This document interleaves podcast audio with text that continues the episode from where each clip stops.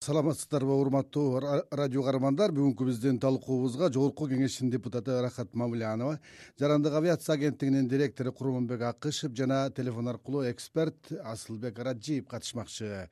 Менин биринчи суроом рахат айым сизге да мына жогоруда айтылды жогорку кеңеште сиздер ушу кыргыз республикасынын аба кодексине өзгөртүүлөр киргизүү жөнүндө мыйзам долбоорун карап жатасыздар. Эгерде э, кандай өзгөрүүлөр кирүүдө эгерде ал кирип кабыл алынып калса кыргыз авиа тармагына бир кандай бир өбөлгөлөрдү түзөт деп ойлойсуз? Саламатсыздарбы урматтуу радио угуучулар. Менин атым махабат. Ой махабат кечирип коебуз. Мен ушул аба кодексине бир нече өзгөртүүлөр киргизип атабыз бул деген биринчиден аба эркиндигинин бешинчи даражасы деген түшүнүктүү жана кандай эрежеде ал биздин закондо иштейт. Жана ошондой эле ушул авиа граждандык авиациянын контролго алуучу көзөмөлдөөчү орган жарандык авиация органынын ыйгарым укуктарыны ушул ачык асмандагы эрежелердеги мындай ыйгарым укуктарын кыскартуу боюнча болот да бул буга чейин эми либералдаштыруу кыскача айтканда либералдаштыруу э, ушу граждандык э, авиация авиа ушу транспортто либералдаштыруу либералдаштыруу закону мыйзам долбоору каралып атат негизги кандай жыйынтык берет? Бул азыркы күндө биздин эл аралык каттамдарыбыз абдан аз тогуз эле э, шаар өлкө менен биздин авиа каттамдарыбыз бар. Азыркы күндө бул көпчүлүк биздин жарандарыбыз өзүбүз билебиз. Э, башка өлкөлөргө учуп барып андан ары башка өлкөгө учуп кетип үчүнчү өлкөгө учуп кетишет да. Мисалы үчүн э, көбүнчөсү э, алматага москвага стамбулга бул жерде биздин канчалаган жаш окуучу балдарыбыз учушат көбүнчөсү студенттерибиз учушат жана оорукчандар операция учундагы аябай көп учуп жатышат. Жана ошондой эле туристтер келип жатат. Өзү биздин ички өзүбүздүн кыргызстандык туристтер жарандарыбыз турист катары учушат. Ошондо кыска эле барып калчу э, жайларга маршруттарга мисалы үчүн төрт саатта барчу беш сааттуу жерге биздин жарандарыбыз бир он сааттан да көп убакытты коротуп жатышат да бул абдан э, биздин экономикага дагы э, тескери таасирин тийгизет. Элибиз ошондон кыйналып жатышат. Негизги биздин мынакей эгемендик алгандан бери биздин өлкөбүздө Э, авиа тармакта жалаң ушул жекече э, авиакомпаниялар э, телөө көрсөтүп келатышат да. Бирок тилекке каршы жогорку деңгээлде эл аралык стандартка чагылышкан жок. Ушул күнгө чейин билесиздер кара тизмеде турат баары кара тизмеден эч кимиси чыга элек. Мындайча айтканда биз коопсуздугубуз бизге коопсуздук абалыбыз абдан мындай кооптуу да биз э, элибизге мындай э, жакшы шарттар түзө алган жокпуз. Экинчиден мамлекет тараптан ушул тармакка авиа тармакка эч кандай көңүл бурулган жок. Алыс барбай эле узбекстан авиалиниялары эйр астана казакстандык алар кандай деңгээлге чыгып кетти? Алардын бүткүл дүйнөгө учкан э, рейстери багыттары абдан кенен.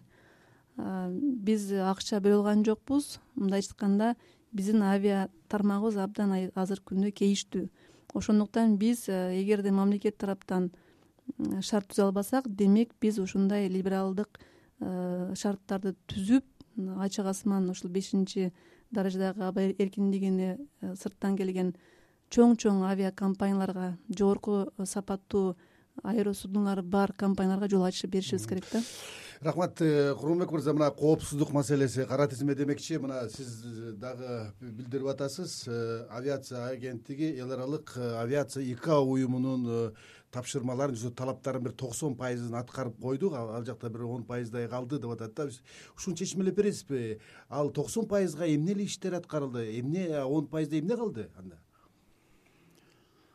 башынан түшүндүрүп айтып кетейин. Кыскараак эле болсо. Кыскараак кылып он жетинчи эки миң он жетинчи жылдын башында эл аралык авиация уюму икао менен биргелешкен план түзүлгөн. Биздин өкмөт аркылуу министерство аркылуу. Ошол план мурдагы болуп келген аудиттин баягы кемчиликтердин баарын жоюу планы болгон азыр ушул токсон процент токсон пайызы деп атпайсызбы токсон пайызы кандай түрдө аткарылды? Ал деген биздин аба коопсуздугун камсыздандыруу боюнча биздин инспекторлордун акыбалы тууралуу болгон да. Ал акыбалы ошол убакта аудиттин баягы кемчиликтерин аткарууга мүмкүнчүлүгү жок деп эсептелип келген да. Анын бир себеби эмне болгон? Бир себеби ал баягы финансирование жагынан. Анткени мындай жалпак тил менен түшүндүрүп айтып өткөндө ал инспекторлор ошол авиакомпанияларды тастыктоо көзөмөлдөө жагынан өздөрүнүн деңгээлине жеткен эмес. Анткени бул жерге ошо айлага финансирование жагынан кемчилик болгон үчүн мындай жакшы специалисттер келе алган эмес. Ал специалисттер учкучтар болушу керек диспетчерлер болуш керек ошолорго ылайыктуу билими бар опыту бар кишилер болуш керек. Бирок андай э, кишилер эми өзүңүздөр билесиздер кичинекей айлыкка иштебейт да авиакомпанияларга кетип кетип калып жүрүшкөн. Кудайга шүгүр өткөн жылы биздин өкмөттүн жардамы менен жогорку кеңештин депутаттарынын жардамы менен азыркы президентибиз ошондо премьер министр болчу ошол кишинин жардамы менен финансированияны чечтик. Эки эсе азыр ошол инспекторлор айлыгы көтөрүлдү жанагы обучение деп коебуз. Окуу кайра окуу жагына сертификат алуу жагына чет өлкөдөн окуп келген келе турган талаптар бар. Ошону азыр аткарып ошол аткарылышы токсон пайызга жетти азырчы. Андан бөлөк ошол икаонун өзүнүн эле эксперттери инспекторлору быйыл июнь июль айында эки ай келип бизге жардам катары тренинг өткөрүшүп обучение өткөрүшүп иштеп кетишти ал жетиштүү болгонуна байланыштуу дагы биз кайрылып сүйлөшүп атып э, могу ноябрь декабрь айында дагы азыр инспекторлор иштеп атат ошол өтө катуу көп жардам берип атат. Убагында айтып өтө турган болсом эйр астананы ушул акыбалдан чыгарыш үчүн алар өкмөттүн э, жардамы менен миллиарддаган доллар акчаларды берип атып туруп ошол беш инспекторлорду иштетип э, чыгышкан кудайга шүгүр азыр биз жана сиз айткан э, жанагы аткарыла элек он процентти биз э, аягына чейин чыгарып иштетсек алардын талаптарын орундатсак демек кыргыз авиакомпаниялары кара тизмеден чыгат десек болобу жок аны ал түшүнүк туура эмес дагы мен мындай түшүндүрө элем э, ошол аудиттен өткөндөн кийин ошол он проценти кошулуп толгондон кийин биз мүмкүнчүлүк алабыз. Баягы кара тизмеден евроконтролдун кара тизмеден чыгыш үчүн заявка бергенге. Ошондо дагы бир аудит келет дагы ошонун баардыгын жооп туруп анан э, икаонун өзүнүн заключениесин берет. Анан гана евроконтролго биз э, заявка бере алабыз. Ал заявка берилгенден кийин дагы э, ошол айтып өтүп атпаймынбы жана экинчи кварталда заявка берсек кийинки он тогузунчу жылдын үчүнчү төртүнчү кварталында ошо чыгышыбыз мүмкүн. Мүмкүн деп атасыз анда ошол э, асылбек ражиев мырза менен да байланышып көрөлү. Асылбек мырза саламатсызбы? Саламатсыңарбы мына жогорудагы биздин э, эксперттердин э, пикирлерин уктуңуз. Аба кодекси кабыл алынган атат икаонун талаптарын аткарууга иштер жасалып атыптыр сиздин оюңузда ушул талаптарды аткарсак ушул иштер бүтсө буюрса ачык асман долбоору ар тараптан мындай жүзөгө ашууга шарт түзүлөт деп ойлосок болобу биринчиден мен айтып кетейин мен э, авиация боюнча эксперт эмесмин мен э, туризм боюнча экспертмин. Эми туризмдин салымына ошол ачык асмандын э, кереги бар аябай эле кереги бар анткени махабат эркешевдин айтып кеткендей кыргызстанга кыргызстандан учуп кетиш же кыргызстанга учуп келиш азыр аябай оор транзиттик мамлекеттер аркылуу учабыз. Бирок эң башкысы бул туристтер үчүн гана эмес бул биринчиден кыргызстандыктар үчүн э, жакшы болмок. Анткени биз азыр учуп атабыз башка мамлекеттер аркылуу башка аэропорттор аркылуу. Ошондуктан өзүбүздүн дагы аэропортубуз өзүбүздүн дагы авиацияда э, авиациябыз дагы өнүкпөй жатат. Экинчиден э, бул ачык асман долбоору кабыл алгандан кийин биз ошол дүйнөлүк авиация авиакомпанияларына айтабыз биз ачыкпыз депчи бирок мындан ары дагы экинчи кадам керек. Бул ошол авиакомпаниялар менен түздөн түз эми сүйлөшүш керек. Анткени бул авиа бизнес чоң бизнес ал жерде көп акча инвестициялар керек. Жаңы рейстерди ачыш үчүн дагы оңой эмес. Ошондуктан муну өкмөт тарабынан колго алып ар бир авиакомпания менен өзгөчө сүйлөшүүлөрдү жүргүзүп мунун артынан чуркаш керек да. Анткени жөн эле ачык асман менен калтырып койсок бизге дагы түз авиа каттамдардын ачылышы дагы созулуп кетиши мүмкүн рахмат э, махабат айым э, кыргызстандын авиациясынын өнүктүрүү боюнча аба кодексин дагы мындай кабыл алынса э, ушул эле мыйзам актысы жетиштүүбү? Же мындан сырткары дагы бир башка бир мыйзамдарды укуктук ченемдик актыларды кабыл алып аны да жакшыртыш керекпи өзгөртүш керек деп ойлойсузбу? Албетте бул аба кодексин өзгөртүү киргизүү менен эле чектелип калбайт. Өкмөт тараптан дагы укуктук ченемдик нормаларга сөзсүз түрдө өзгөртүүлөр киргизиш керек. Бул авиация эрежелердин өзгөртүүлөрү карашат ар кандай өздөрүнүн нормаларын карашып өкмөт э, өзгөртүү киргизиш керек. Биз ошого э, бир убакытты бериш керек деп ойлоп атабыз. Себеби аябай бул дагы убагында аткарылбай чоюлуп кете бербей бир э, бир алты ай жети ай убакытты биз көрсөтүп койсок деп атабыз да. Себеби бул чындыгында кабыл алынганы менен ал иштеп кетиши абдан маанилүү да. Себеби бизде абдан жакшы закондорубуз бар бирок иштебей жатпайбы көпчүлүгү. Э, ошого биз ойлоп атабыз ушул ар бир өлкөдөгү посолдорго ушул маалыматты жеткизип ошол кайсы өлкөдө э, экономикасы өнүккөн өлкөлөрдө биздин э, элчиликтерибиз бар. Ошолорго биз тапшырма катары берип кайсы өлкөдө чоң компания болсо сунуш катары ушул маалыматты жеткизип биздин жаңы аба кодексиндеги жаңы норманы жеткизүү керек. Ушундай иштерди алып баруу керек. Бул ишти реализация кылып ишке ашыруу үчүн жана дагы кошумча кыскача маалымат берип коеюн да бул эмне деген үчү аба аба кодекси. эркиндигинин бешинчи деңгээли бул эмне деген түшүнүү экенин жөнөкөй эле айтып коеюн. Азыркы күндө бизде төртүнчү даража менен э, иш алып барат. Биздин авиа жарандык авиа жарандык авиация бул деген бир өлкөдөн а а өлкөсүнөн учуп келип бизге келип кайра эле өзүнүн ошо а өлкөгө кайра учуп кетүү келишим менен иштешет учушат да. А бул болсо э, бул жаңы аба ачык асман деген бул э, ушул күндө бир келишим менен иштеп жатышат. Э, турциядан учуп келишип кыргызстанда келишип кыргызстандан үчүнчү өлкөгө учуп кетишет бул монголияга. Ушундай келишим бирөө эле бар. Бул мынакей бизге келип кайра үчүнчү өлкөгө барып кайра бизге келип кайра өзүнүн өлкөсүгө учуп кетиши мүмкүнчүлүк да. Бул деген биздин э, азия өлкөлөрүнө европага ушундай бир жаңы э, мындай рейстер ачылганга абдан чоң мүмкүнчүлүк түзүлөт да ушунун негизиндечи. Курманбек мырза мына э, икаонун талаптарын аткарды баардык процедуралардын баарын бүткөндөн кийин кара тизмеден чыгарылсак кыргыз авиациясына кандай мүмкүнчүлүктөр ачылат деп ойлойсуз? Махабат айымдын эмесин улантып берсеңиз дагы кандай бизде шарттар түзүлөт. Жанагы евроконтроль деп атпайбызбы? Азыр э, эң эле чоң рынок авиа рынок евро европа. Европада мурда өзүңүздөр билесиздер. Союз убагында мурда учуп жүргөндө э, германияга үч рейс бар эле. Э, бери жагы болуп дагы бир төрт беш рейс күнүнө учат эле европага. Европа аркылуу жакшы баада америкага чейин кеткен убактар болгон. Ошол убакта каттоо аябай күчтүү болгон жай убагында билет табыш деген кыйын болчу ошол германияга.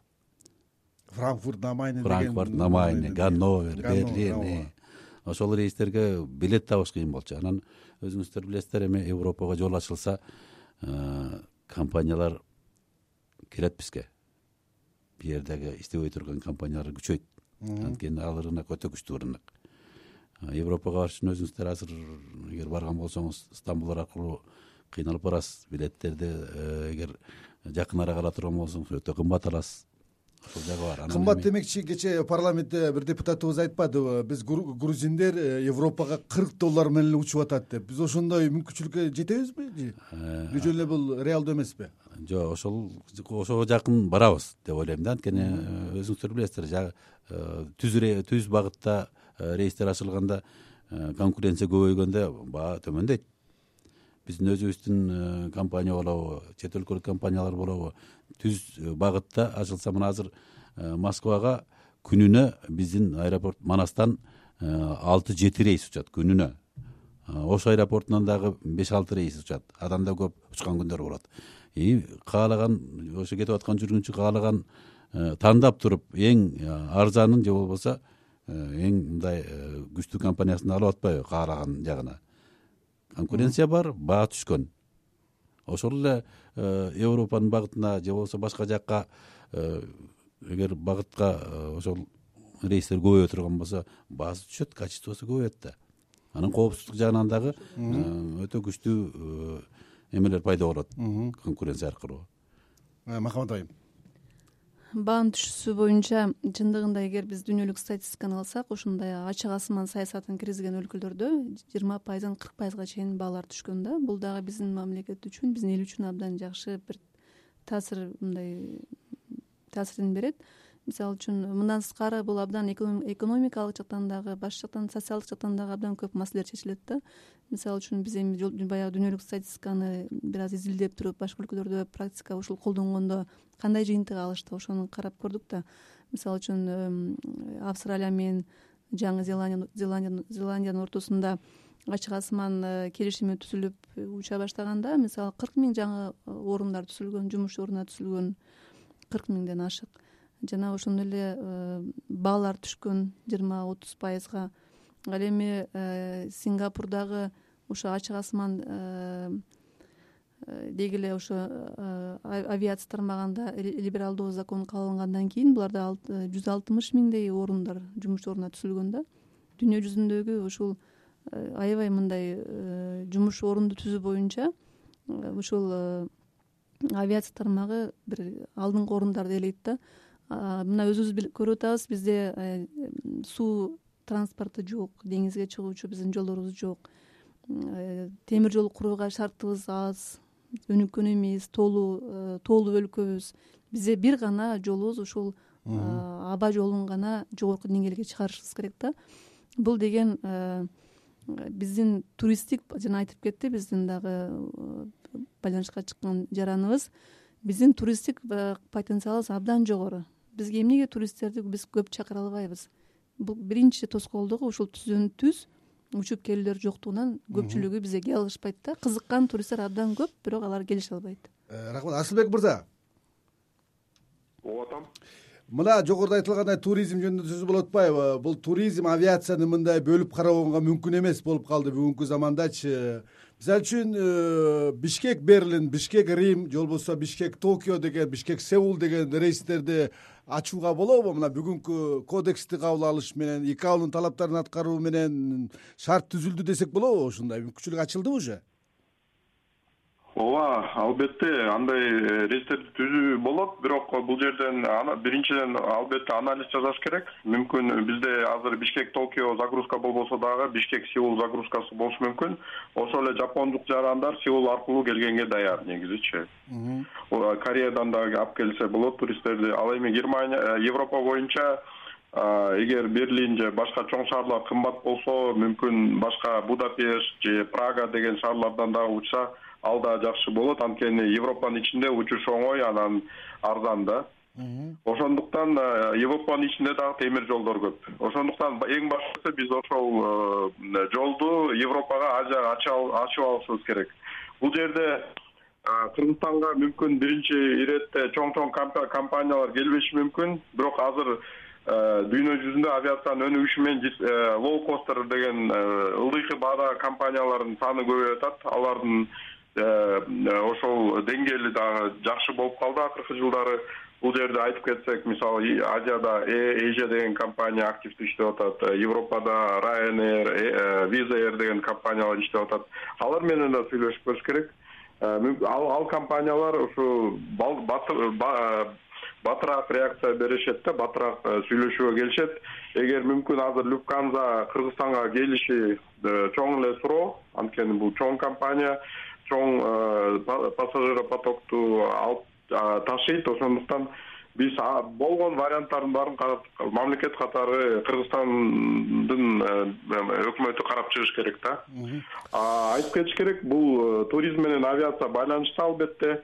Биз эки миң он экинчи жылы визаны кырк беш мамлекетке алганда туристтердин саны көбөйдү. Бирок барып келип эле ошол туристтердин саны биздин э, авиакаттамга чектелип калып атат да. Андан көп бизге турист келе албайт. Азыркы бүгүн истамбулга же москвага учкан самолеттордун санынан көп киши келе албайт. Биз токтоп калдык.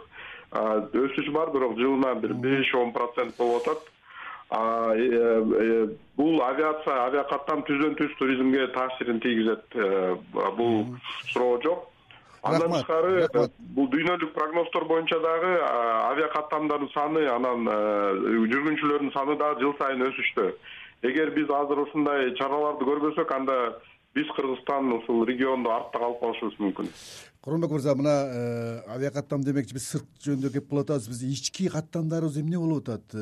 Азыр кыргызстанда он бир аэропорт болсо азыр жетөөсүнө самолет конуп учпайт экен. Учак конупчу алардын тагдыры эмне болуп атат? Мен дагы ошону э, айтып кетейин деп камданып отурам. Э, көп депутаттар азыр талкуунун ичинде ушул э, суроолорду көп берип атты. Абанын бешинчи даражадагы боштондугун киргизүү менен жакшы жактары көп. Анан көп депутаттардын баягы айтышына караганда мына ички каттамдарды аткарып аткан биздин ата мекендик авиакомпаниялар мындай жаман өбөлгөгө туура келип калат деген мнениелер чыгып атат да эми. Ал бир жагынан э, өтө катуу деле кетпейт бирок андай болушу мүмкүнчүлүгү бар. Анан ошого жараша биздин депутаттар э, жакшы бир демилгени көтөрүп атышат. Ошону киргизүү менен бирге баягы бир катар эле дагы бир э, законопроект мыйзам проектин долбоорун киргизгиле деп бизге тапшырма беребиз дешти эгер бериле турган болсо э, ошол биздин э, ички каттамдарды аткарып аткан э, ата мекендик авиакомпанияларга жардам көрсөтүү тууралуу өкмөт тарабынан болобу же башка жардамдарда болобу ошол сунуштар бизде бар. Аны биз киргизебиз кудай буюрса. Рахмат. Мен дагы парламентте көтөрүлгөн бир маселени сурагым келип атат. Махабат айым мына биринчи борт деп коебуз. Президент өкмөт башчы учкан самолеттун дагы көйгөйү айтылды эле алмаштыруу маселесинде мамлекеттин үлүшү бар. Жалгыз эйр кыргызстан компаниясынын дагы көйгөйү көп толтура болуп атат. Ушул эки маселе эмне болуп атат? Өкмөт жогорку кеңеш бул маселени кантип чечкен атат биздин жогорку кеңеште билесиздер транспорт коммуникация архитектура курулуш боюнча комитеттин төрайымы болом. Мына бир ай мурда биз өкмөткө сунуш бергенбиз. Бир ай ичинде ушул эйр кыргызстан бул мамлекеттик авиакомпания. Ошол мамлекеттик авиакомпания азыркы күндө иштебей туруп калды булардын тагдырыны андан ары эмне кылышат чечип бир эксперттик группа түзүп жумушчу группа түзүп ар кандай жолдорун караңыздар деп биз тапшырма бергенбиз. Мына бир ай болду жакынкы күндө биз жыйынга алып келебиз. Бул да негизги маселе мындай болчу да эйр кыргызстан жалгыз ушул эки бизде мамлекеттик компания бар. Бирөө ошол манас аэропортунун алдында бирөөсү өзүнчө өз алдынча фугин алдындагы эйр кыргызстан мамлекеттик компания. Бул экөөнү эки мамлекет үчүн мен ойлойм эки компаниянын эки башка кармаганын кереги жок. Экөөнү бириктирүү керек э, махабат айым биздин убактыбыз ушинтип аягына чыгып калды. Биз бүгүн урматтуу радио каармандар кыргызстандын бүгүнкү авиациясы жана эртеңки келечеги тууралуу азын кеп кылдык. Бүгүнкү биздин талкуубузга жогорку кеңештин депутаты махабат мавлянова жарандык авиация агенттигинин директору курманбек акышев жана эксперт асылбек арачиев катышты. Берүүнү мен бакыт оорунбеков алып бардым. Кайрадан эфир аркылуу жолукканча саламатта калыңыздар